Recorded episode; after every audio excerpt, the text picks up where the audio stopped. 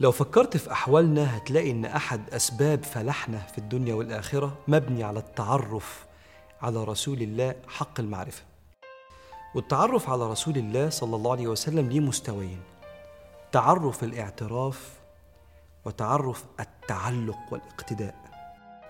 تعرف الاعتراف هو إن أنا أعترف بالانتساب لله ورسوله لا إله إلا الله ومحمد سيدنا محمد رسول الله صلى الله عليه وسلم. وده اعتراف بيشترك فيه جميع المسلمين. لكنه قد لا يكفي لتغيير سلوكيات الإنسان اللي متعود عليها.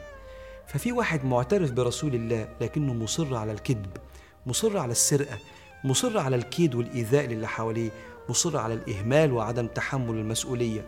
هو معترف برسول الله اعتراف لكنه مش عايز يصلي. فهذا التعرف ده المستوى الأول. في تعرف آخر ربنا سبحانه وتعالى شجعنا عليه في القرآن وهو تعرف التعلق والاقتداء. القضية مش قضية إن أنا أعترف بإن سيدنا محمد رسولي ده سيتعدى الموضوع للتعمق والتأمل في طبيعة شخصية رسول الله بنية المحبة والوراثة إن أنا أورث منه أخلاقه وسلوكياته. عشان كده عبر تاريخ المسلمين ألفت مئات الكتب الواصفة لشخصية وسلوكيات النبي عليه الصلاة والسلام في جميع جوانب الحياة علشان اللي عايز يعرفه أكتر يقدر يوصل لكل تفاصيل حياته.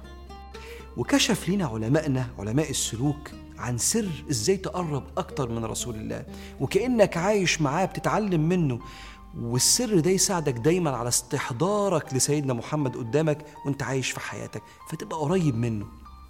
السر ده عبارة عن معادلة. بيقولوا فيها القراءة أو السماع عن النبي كتير زائد كثرة الصلاة عليه كتير زائد زيارته وقت الاستطاعة يساوي تعلق يثمر الانقياد والمحبة. إن أنا أقرأ عنه أو أسمع أصلي عليه وأزوره وقت ما أقدر. الثلاث حاجات دول مع بعض هيعلقوني بسيدنا رسول الله. والانقياد ده ربنا عبر عنه في القرآن. بسم الله الرحمن الرحيم. فلا وربك لا يؤمنون حتى يحكموك. صلى الله عليه وسلم. حتى يحكموك فيما شجر بينهم. ثم لا يجدوا في أنفسهم حرجا مما قضيت ويسلموا تسليما. كمال الإيمان إني أرجع للنبي في كل خطوة. ولما ألاقي النبي بيقول لي يمين وأنا مقرر شمال أستجيب بنفس طيبة. ده معناه النبي عظيم في قلبك. وإنك شايف إن رؤية النبي ورأي النبي أنفع من رأيك. وده كمال الحب والتعلق والانقياد.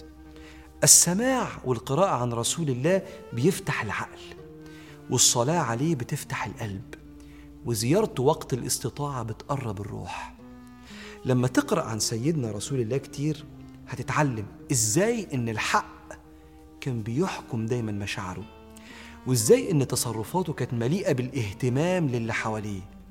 وإزاي إن الرحمة كانت هي منطلق كل أفعاله؟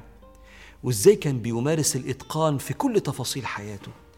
لما تعرف كده هتحبه جدا على جميع المستويات. كثرة الصلاة على سيدنا رسول الله عليه الصلاة والسلام علمنا المشايخ إنها بتغير حال الإنسان وتخرجه من ظلمة البعد عن الله ورسوله إلى نور الإحساس بقرب الله ورسوله. لأن ربنا سبحانه وتعالى بيصلي علينا لما بنصلي على رسول الله. وهو قال سبحانه وتعالى هو الذي يصلي عليكم وملائكته ليخرجكم من الظلمات إلى النور.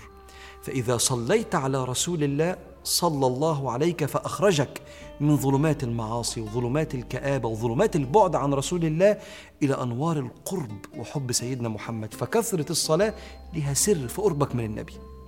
فاقرأ عن سيدنا محمد أو اسمع كتاب الشمائل المحمدية مشروح عشان تفهم صفات رسول الله الخلقية والخلقية. وعود نفسك الصلاة على سيدنا محمد مئة مرة الصبح ومئة مرة بالليل. مش هتاخد منك وقت لكن هتكون مربوط ليل نهار برسول الله. واسمع وقت ما تقدر تزوره وتصلي في مسجده وتسلم عليه عند قبره الشريف روح وحوش عشان تطلع عمرة أو حج. وتروح عند سيدنا رسول الله وتقول له السلام عليك يا رسول الله فيقول لك وعليك من الله السلام. هو النبي قال كده فأرد عليه السلام بيدعي لك إن ربنا يسلمك من كل سوء. لو عملت كده هتحب النبي ولو حبيت النبي هيأثر قوي في سلوكياتك لو حبيته بصدق في الحياة هتورث منه أخلاقه وسلوكياته. وهتتفاجئ بمقامك يوم القيامة لأن الراجل قال لسيدنا محمد إن الرجل لا يحب القوم ولما يحشر معهم. بحب واحد وخايف لا أحشر معاه يوم القيامة. ما جيش في مقامه يوم القيامة. قال أنت مع من أحببت.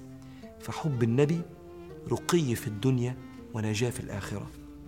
فاللهم يا مولانا علقنا بالنبي الأمين واجعلنا من خواص عبادك المقربين.